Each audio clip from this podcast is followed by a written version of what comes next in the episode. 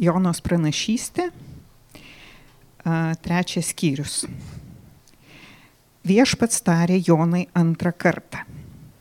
Eik į Ninevę, didį miestą ir skelbk jiems, ką tau liepiau. Jona pakluso viešpatie žodžiui ir ėjo į Ninevę, kuri buvo labai didelis miestas. Reikėjo trijų dienų jį pereiti. Jona ėjo per miestą vieną dieną. Jis skelbė, dar 40 dienų ir Ninevė bus sunaikinta. Ninevė žmonės patikėjo Dievu ir paskelbė pasninką ir nuo mažiausio iki didžiausio apsisiūtė ašutinėmis. Kai ta žinia pasiekė Ninevės karalių, jis pakilo iš savo sosto, nusivilko savo drabužius, apsisiūtė ašutinę ir atsisėdo pelenuose. Ir jis išleido Ninevėje tokį įsakymą. Karalius ir jo didžiūnai skelbia, žmonės ir gyvuliai, galvijai ir avis privalo pasninkauti. Ten neragauja jie nei maisto, nei vandens. Žmonės ir gyvuliai turi apsidengti ašutinėmis ir garsiai šauktis Dievo, atsisakyti piktų kelių ir smurto. Kas žino, gal Dievas pasigailės mūsų, atsileis jo rūstybė ir mes nepražūsime. Dievas, pamatęs, kad jie atsisakė savo piktų kelių, gailėjosi jų ir neįvykdė to, ką buvo jiems sakęs. Tai buvo Dievo žodis. Amen.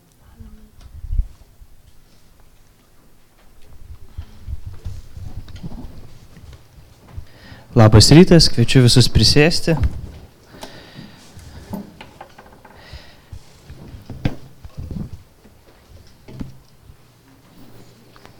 Aš Danielius, šiandien, šiandien kalbėsime apie Jonos pranašystę. Toliau gilinsimės, visą mėnesį jau, jau gilinamės, perėjom, perskaitėm du skyrius. Tai va, tai galim pas, trumpai pasimelsti. Dieve, mes dėkojam tau šią dieną ir melčiam, kad tu lamintum mus. Kai mes skaitysime tavo žodį, kai mes gilinsimės į jį, prašom, kad mes pamatytume tai, ką tu viešpatie įdėjai į savo žodį. Ne tai, ką mes norime matyti, bet tai, ką, ką tu Dieve kalbi.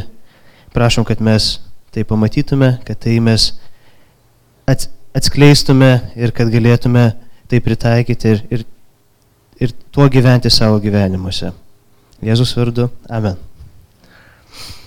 Tai jei sekame Jonas istoriją, matome, jog Jona, taip lengvai tariant, pasišiukšlino prieš Dievą. Ir Jonai viešpatės pranašui prakalbo Dievas. Ir davė užduoti eiti į pagonį miestą, Ninevę ir skelbti jiems, jog jų nedorybės pasiekė Dievą. Jona iškeliauja Ir, bet iškeliauja visiškai kitą pusę. Jis turėtų vykti į Ninevę, bet jis nusprendžia keliauti į Taršyšą. Jis turėtų vykti į dabartinį Iraką iš, iš, iš Izraelio, bet vyksta į dabartinę Ispaniją. Kita pusė.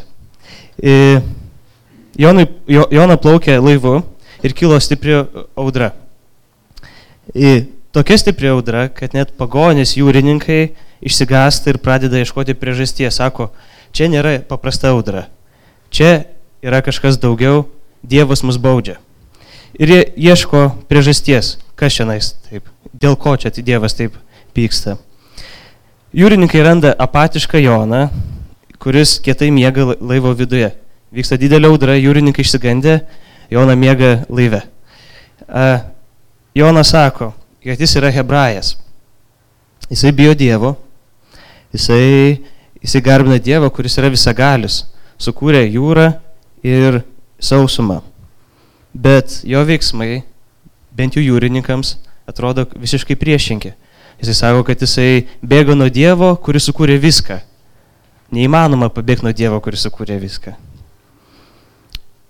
Jona yra išmetamas į šėlstančią jūrą ir audra nurimsta. O Jona prarie didelę žuvis. Jona išbuvo žuvies pilve tris dienas, tris naktis ir tuo metu jis atgailauja ir meldžiasi Dievui. Taigi, Dievas pasigili Jonos ir sako, žuvį iš jį išspjauti ir taip įvyksta.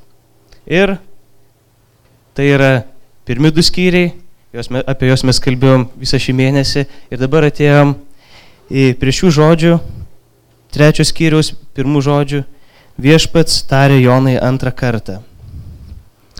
Tai, taigi, Jona vis nepaklūsta Dievui.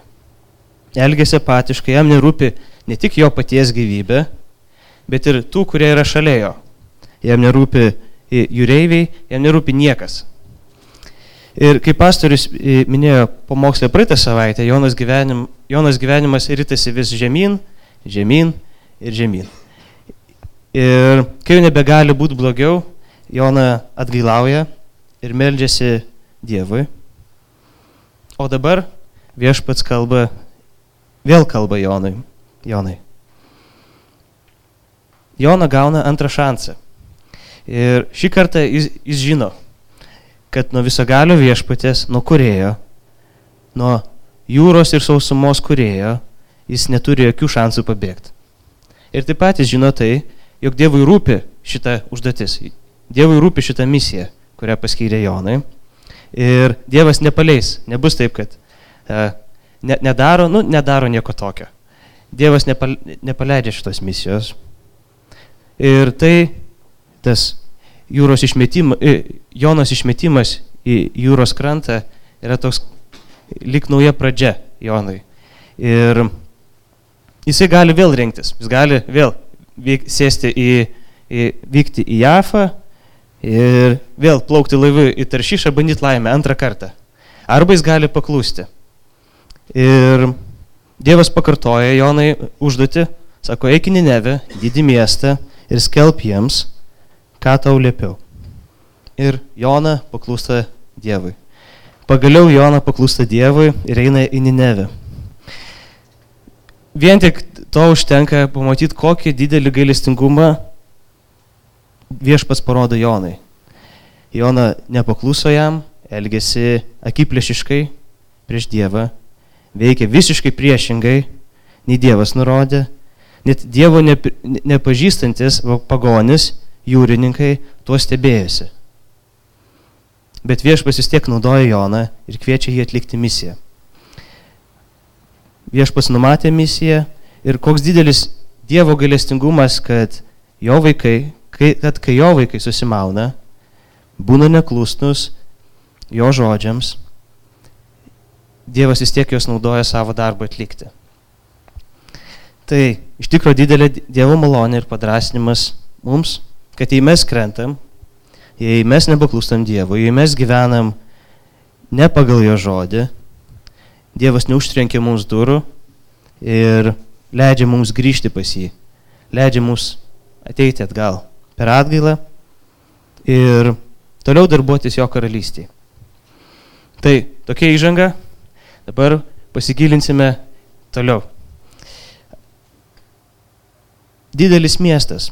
Biblijoje rašoma trečioje, trečioje eilutėje, kad Jona pakluso viešpati žodžiui ir ėjo į Ninevę, kuri buvo labai didelis miestas. Reikėjo trijų dienų jį pereiti ir ketvirta eilutė, pirmas sakinys, Jona ėjo per miestą vieną dieną. Tai ką reiškia eiti per miestą tris dienas? Rašo, kad reikia trijų dienų. Tai kaž, kaž, kažkaip šiek tiek e, toksai e, sutrikimas, tokie sutrikimai įneša, e, nes Jona paklūsta viešpačiui ir vykdo tai, kas jam nurodyta, nes parašyta, kad Jona paklūso viešpačiui žodžiui ir ėjo į Ninevę. Jis ateina į Ninevę skelbė žinę, kurią Dievas jam nurodė skelbti, tačiau, tačiau yra taip, kad miestas didelis, reikia tris dienas jį, jį pereiti, bet Jona eina vieną dieną. Kaip čia suprasti?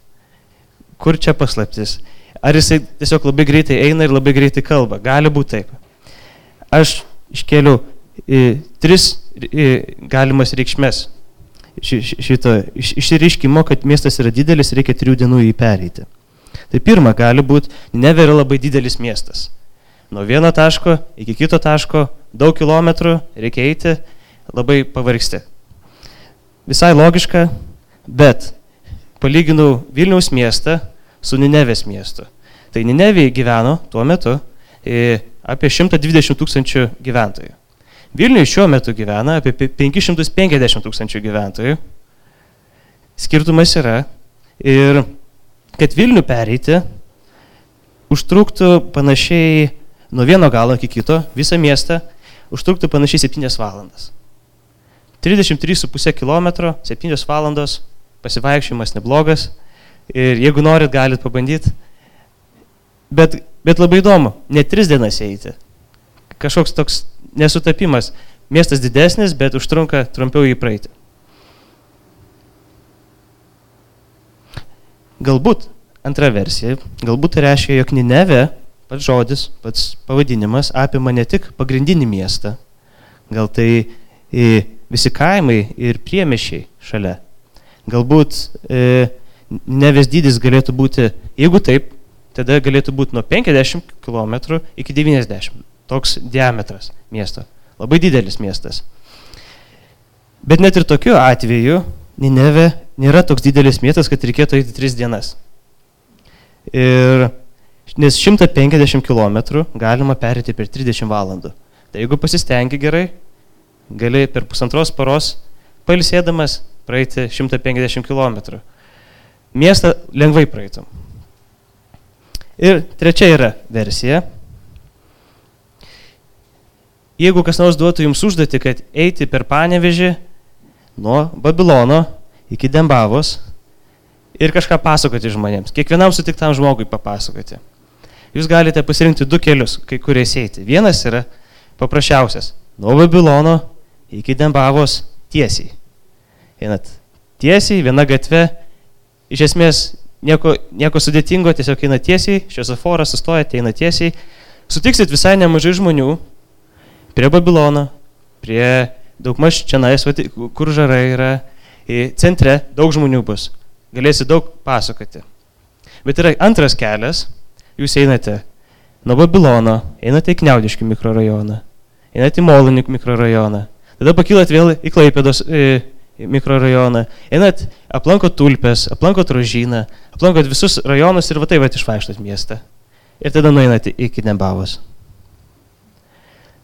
Aš bandžiau per Google Mapsus, per Google žemėlapius e, pamatuoti, kiek čia būtų, bet Google žemėlapis sako, kad jau per daug taškų mums neišeina apskaičiuoti viską. Tai kelias ženkliai didesnis, ženkliai didesnis. Ir eidami pirmoji būdu mes tikriausiai sutiktume visai nemažai žmonių, tačiau eidami antroji būdu mes gal nesutiktume visų žmonių miesto, bet sutiktume ženkliai daugiau žmonių. Ženkliai daugiau progų papasakoti tai, ką mes turime papasakoti. Ir ketvirtoje lūtėje rašoma, kad Jona ėjo per miestą vieną dieną. Autorius šitos knygos pažymėjo, kad reikia trijų dienų pereiti. Turbūt pažymėjo, kad reikia tai vad, kad visas vietas patikrinti, visas vietas aplankyti reikia trijų dienų. Jona ėjo tiesiai. Nežinau, gal netiesiai, gal užsuko kažkur Bet, bet kažkaip įdomiai. Dievas lik ir sakė Jonai, kad šis eitų į Ninevę ir skelbtų žinę die, Dievo žinę miestui. Ne daliai miesto, ne kažkokiam mikrorajonui, ne karaliui, ne kažkokiam tenais e, didžiūnui, bet visam miestui. Ir, ir labai keista, nes nesiderina žodžiai. Atrodo, tas pats sakin, du sakiniai einant iš šalia, Jona pakluso Dievui ir tuo pačiu nepakluso Dievui. Labai įdomu. Ar gali būti, kad Jona, Jonos atgailos malda neperkeitė jo? Antroje, antram skyriui mes skaitėm maldą, gražią maldą. Ar gali būti, kad ta malda jo nepakeitė? Gal Jona tik fiziškai pakluso Dievui, gal jo širdis nepasikeitė? Tai čia, čia yra anonsas į kitą pamokslą, kurį, kurį klausysime kitą savaitę. Ateikit ir ieškosim atsakymo iš tuos klausimus kartu. Ir mes dar per mažai žinom, kad galėtume atsakyti šitos klausimus. Mes žinom, kad kažkoks disonansas yra, kad Jona kažkaip keistai paklūsta Dievui. Tarsi paklūsta, bet ne iki galo. tarsi daro tai, ką reikia, bet ne iki galo. Taigi, Jonas kelbė, dar 40 dienų ir Nineve bus sunaikinta. Tokia yra Jonas žinia miestui, kuris garsėjo savo žiaurumu, atgrasumu ir baisumu. Ar tai visa Jonos žinia Nineviai? Matomai, kad ne. A, Jonas kelbė pilną viešpatį žinę, nes Dievas nurodė, kad ant, antroje lūtėje matome, kad eik Nineve, didį miestą ir skelb jiems, tai, jiems, ką tau liepiau. Mes žinom, kad Jona vykdė nurodymus. Gal keistai veikdė, ne iki galo, bet jis vykdė, pasakė visą žinę. Ir Vieš, ir Jono žinia buvo tokia, kad Ninevės miesto artėja sunaikinimas, nes miesto gyventojų nuodėmės ir nedarybės pasiekė viešpatį. Ir jei žmonės net gailaus, nesigreš į Dievą, miestas bus sunaikintas. Ir iš ko mes galim spręsti, kad, kad jis visą žinią pasakė, tai galim spręsti iš žmonių reakcijos. Žmonės žinojo, kaip reaguoti, žinojo, ką daryti. Jie atgailavo, jie suprato, kad kažkaip čia nais reikia reaguoti. Ne tai, kad, o, pasakė, aišku, fainiai. Tai jeigu kas nors domitės senovės miestais, jų istorija, o ypatingai sugriaunamais miestais ir jų istorija, tai turėtumėte žinoti du garsius miestus - Sodomą ir Gomorą. Ir istorija apie juos yra aprašyta pradžios knygoje 18 ir 19 skyriuose, jeigu norit pasiskaitykit, aš trumpai prabėgsiu. Taigi, Dievas kalba su Abraomu ir pasako, kad Dievas planuoja sunaikinti Sodomą ir Gomorą, nes jų nuodėmė yra labai sunki. Abraomas klausė Dievo, ar jisai sunaikins teisui su neteisėsiais. Ir Abraomas bando dėrėti su Dievu, kad Dievas pasigalėtų šitų miestų, jei ten gyventų 50 teisiųjų. Ir netikėta, Dievas sutinka su tokiam sąlygom. Jeigu gyvena 50 teisiųjų, Dievas nesunaikina dviejų miestų. Dviejų miestų. Abraomas bando dėrėtis toliau. Gal pavyktų su 40. Jeigu 40 gyvena į teisiųjų, gal tada Dieve nesunaikinsi į šitų dviejų miestų. Dievas sutinka. Abraomas toliau eina, bando, bando laimę. 30, 20, galiausiai 10 teisiųjų. Ir Dievas sutinka su tokiam sąlygom. Jeigu Sodoma ir Gomoroje gyvens 10 teisiųjų, jis pasigalės abiejų miestų ir nesunaikins jų. Ir istorija tęsiasi toliau, kad nėra 10 teisiųjų tose miestuose. Abraomo sunienas Lotas gyveno Sodomoje, viename iš šitų miestų, ir angelai atėjo jo įspėti, kad šis bėgtų iš miesto, nes Sodomoje ir Gomoroje negyveno ne, ne, ne dešimt teisiųjų. Lotas, jo žmona ir dukros bėgo iš miesto, Lotas bandė kviesti ir dar į kitus žmonės, į žmonių vyrus kviesti, bet visi tik juokėsi iš Loto. Sako, nesąmonė. Ir Sodomos bei Gomoros miestai buvo sunaikinti sieros ir ugnies lietumi. Pradžios 19 skyriui, 23-25 eilutės rašo, kad Saulė tekant, Lotas įėjo į Coarą, į prieglopstį, į kitą miestą. Tuomet viešpats siuntė ant Sodomos ir Gomoros sieros ir ugnies lietų. Jis sunaikino tos miestus, visą apylinkę, visus miesto gyventojus ir augalus. Sodoma ir Gomora buvo sunaikinti. Lygiai tas pats žodis yra naudojamas aprašant istoriją apie Sodomą ir Gomorą ir aprašant Jono žinę Ninevijai. Sodoma ir Gomora buvo sunaikinti, Ninevė bus sunaikinta. Ir kaip įgazinančią žinę atsako Ninevės gyventojai.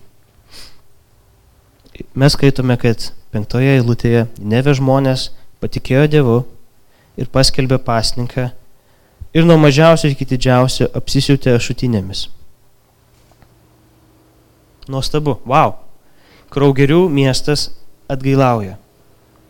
Dar toliau. Kai ta, kai ta žinia pasiekė Ninevės karalių, jis pakilo iš savo sosto, nusivilko savo drabužius, apsisitė ašutinę ir atsisėdo pelinuose. Net pats karalius reagavo ir atgailavo. Kaip čia taip? Kodėl? Kokia priežastis viso to? Kodėl Nineviečiai atgailavo? Istorikai teigia, kad daugmaž tuo metu, kai Jona vyko į Ninevę, Asirijoje įvyko eilė badų, marų, sukilimų ir saulės užtimimų. Ir žmonės toje šalyje, jie matė tai kaip ženklus, jog laukia dar didesnė neganda. Nevėje ir visoje Sirijoje oras buvo toks įelektrintas. Žmonės gyveno eldamėsi žiauriai, baisiai, krašt, kraštas siaubiai įvairius siaubai. Žmonės laukia to kažko, kas turėjo įvykti. Jie buvo įsitikinę, kad jų laukia dar, dar baisesnis likimas, negu iki šiol buvo.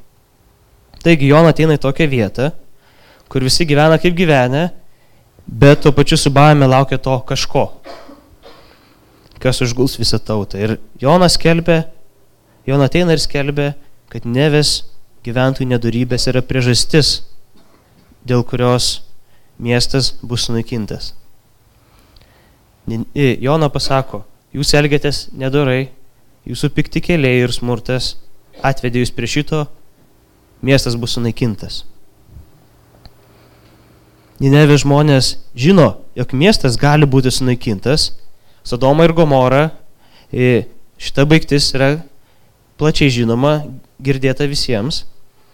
O paskutiniai ženklai tai, taip pat patvirtina bad, badai, marai, saulės užtemimai ir sukilimai patvirtina, kad ateina kažkas, ateina.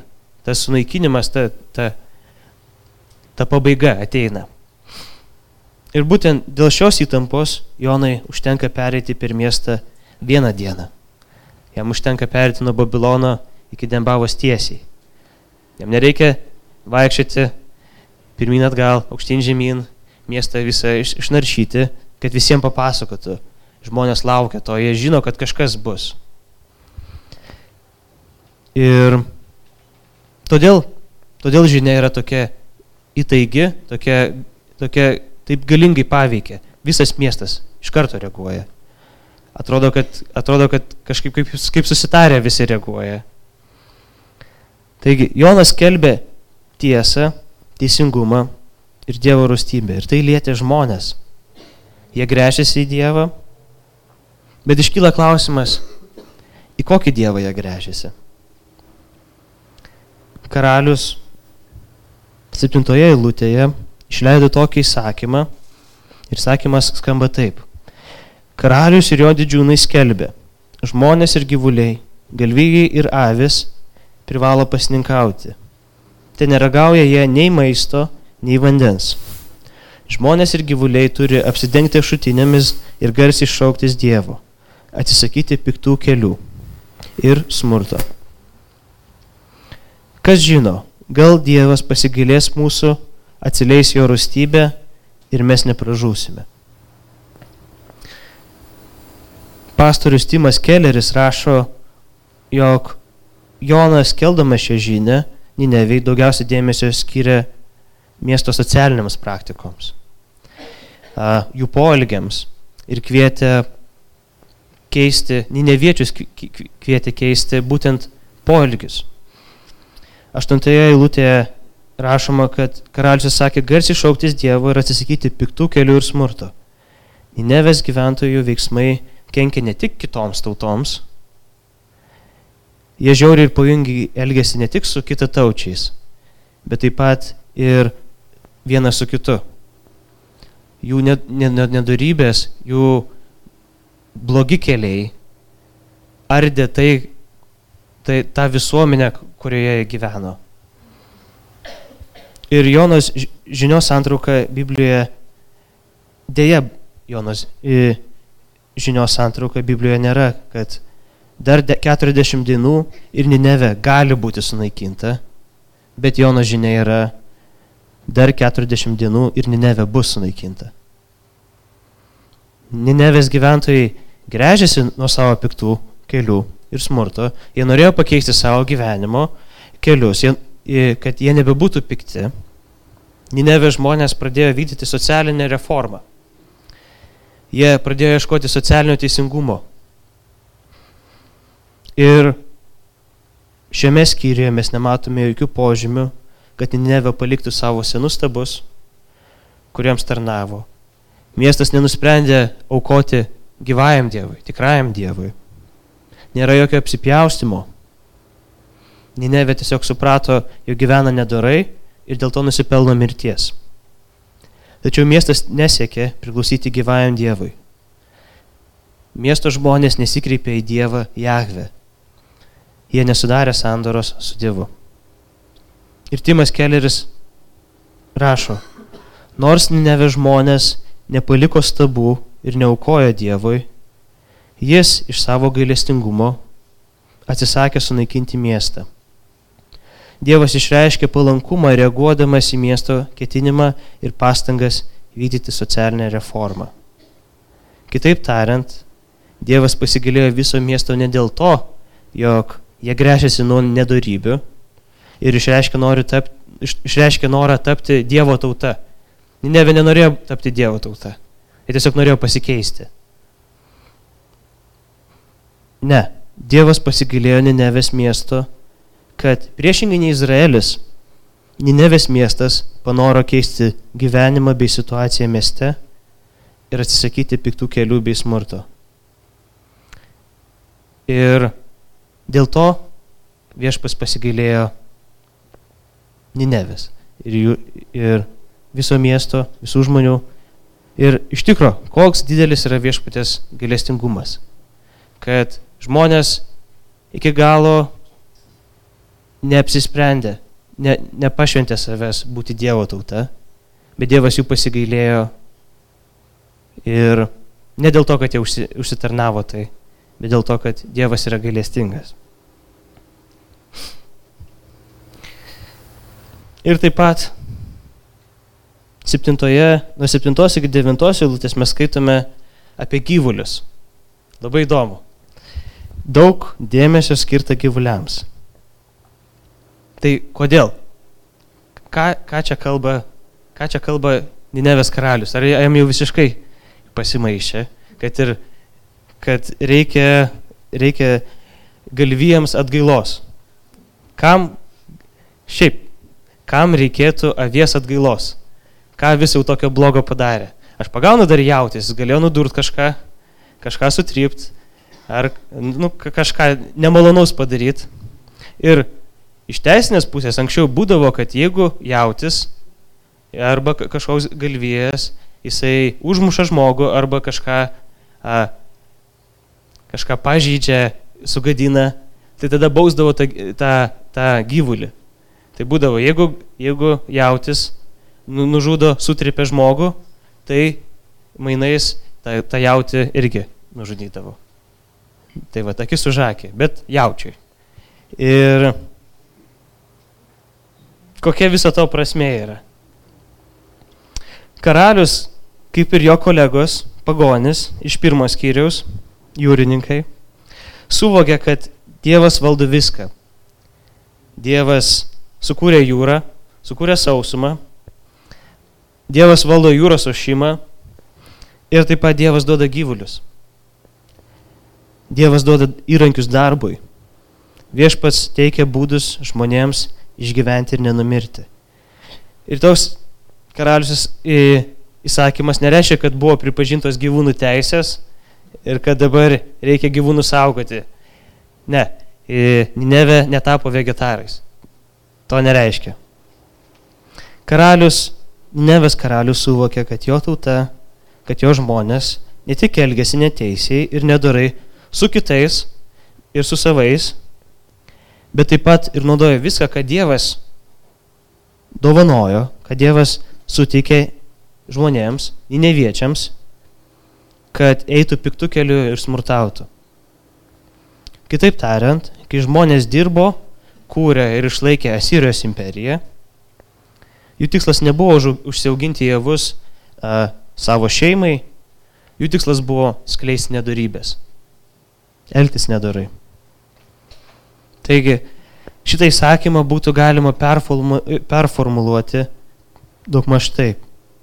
Žmonės ir jų darbo, intelekto, energijos, pastangų ir minčių tikslai bei kryptis turi apsidengti šutinėmis, garsiai šauktis Dievo, atsisakyti piktų kelių ir smurto.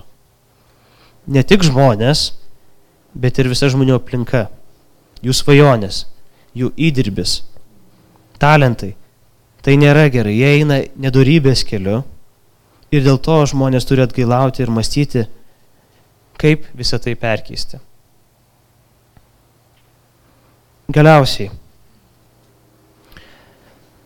Sodoma ir Gomora net gailavo. Sodoma ir Gomora nenorėjo keistis. Šitų miestų žmonės nepavydė savęs pokyčiui, kad ir socialiniam, bet jie nepavydė savęs jokiam pokyčiui.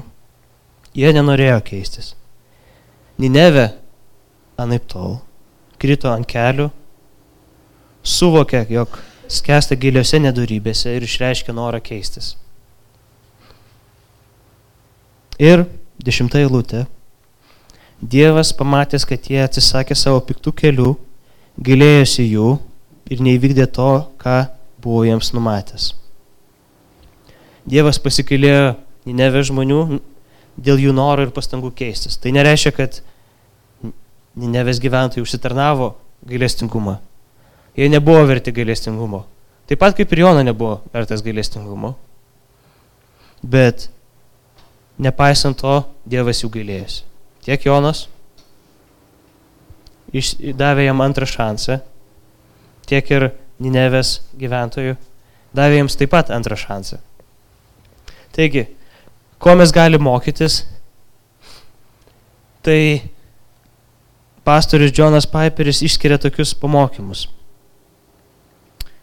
Tai pirmas yra viešpats rodo gailestingumą. Dievas parodo gailestį Jonai ir neleidžia jam numirti audroje. Viešpats duoda Jonai antrą šansą.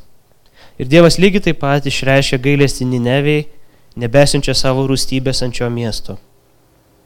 Tiek Jonos, tiek ir Ninevės gyventojų širdis nebuvo pilnai transformuotos, nebuvo perkeistos. Bet viešpas vis tiek rodė gailestingumą abiejoms pusėms. Ir mes galime pasitikėti viešpatės gailestingumu. Nes jis tai patvirtino tada ir tai nuolat patvirtina mūsų gyvenimuose. Dievas yra gailestingas tiek savanaudiškam pranašui, tiek kraugerių miestui. Todėl galim pasitikėti juo, kad jo gailestingumas netmes mūsų ir Dievas bus mums gailestingas. Antras pamokymas yra tai, kad viešpas panaudoja Joną. Dievas naudoja žmonės, kurie daro teisingus dalykus dėl blogų priežasčių. Jonas pavyzdys nėra sektinas ir nėra geras. Ir kaip tik Jonas knyga rodo, kad taip elgtis yra netinkama. Tačiau tai didelis Dievo gailestingumas, jog mes, būdami tokie kaip Jona, purviniai indai, galime būti naudojami Dievo. Jona buvo pilnas savo nudiškumo, kietą širdiškumo ir negailestingumo, bet viešpas panaudojo savanaudišką pranašą, kad išgelbėtų Ninevę, miestą pilną nusidėlių. Ir šetonas gali mus kaltinti, kaip tu ketini tarnauti miestui, jei tu Dievo nemyli. Kaip tu nori tarnauti, jei tavo širdis nėra tyra. Ir mes galime jam atsakyti. Dievas yra Dievas, man reikia Dievo, ir šitam miestui reikia Dievo. Todėl eisiu ir darysiu tai, ką viešpats man nurodė daryti. Ir paskutinis pamokymas, paskutinė pamoka, tai yra, kad mes esame pašaukti būti gailestingi. Mes esame ta pati Nineve, tas pats Jona, mes esame pilni savanaudiškumo, nedarybių ir priešiškumo Dievui. Tačiau Dievas parodė mums gailestingumą Dievas paukoja savo viengimį sūnų, Jėzų, tam, kad per tą auką, per Jėzaus auką mes taptume Dievo vaikais. Ir kaip Jėzus kėlėsi iš mirties, mes keliamės naujam gyvenimui. Bet šį kartą gyvenimas nėra tas antras šansas. Mes neiname prieš Dievą, mes esame kartu su Dievu. Ir dėkojame viešpačiu už tokį gailestingumą ir rodykime jį kitiems. Nes Jėzus moko Evangelijoje pagal Luką. Būkite gailestingi, kaip ir jūsų tėvas yra gailestingas. Tai galime pasimelsti ir pakilkime, melsimės ir, ir Dieve, mes dėkojam tau už tavo malonę, dėkojam tau už tavo gailestingumą, kurį tu mums rodai, kurį tu mums dovanoji.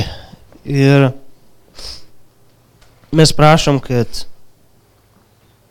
mes žiūrėdami į šią, šią istoriją, į Jonos gyvenimą, mes mokytumėmės, kaip, kaip reikia elgtis ir kaip nereikia elgtis Dieve. Mes prašom, kad mes matydami tą, tą Joną savyje, tą Ninevę savyje, kad mes norėtume keistis, kad mes norėtume iš tavo malonės keistis. Mes patys to padaryti negalim, Dieve. Tik tai tavo kryžiaus auka, tavo kryžiaus, ant kryžiaus pralėtas kraujas gali mus perkeisti ir mes Dieve prašom, kad, kad tu mus perkeistum, kad tu siūstum, siūstum pokytį į mūsų gyvenimą, į mūsų širdis, kad tu jas minkštintum, kad mes pasitikėtume tavo gailestingumu, tavo, tavo gerumu, tavo teisingumu ir tavo, tavo dovanojimu išgelbėjimu mums. Viešpatie, mes dėkojam tau ir prašom to Jėzus vardu. Amen.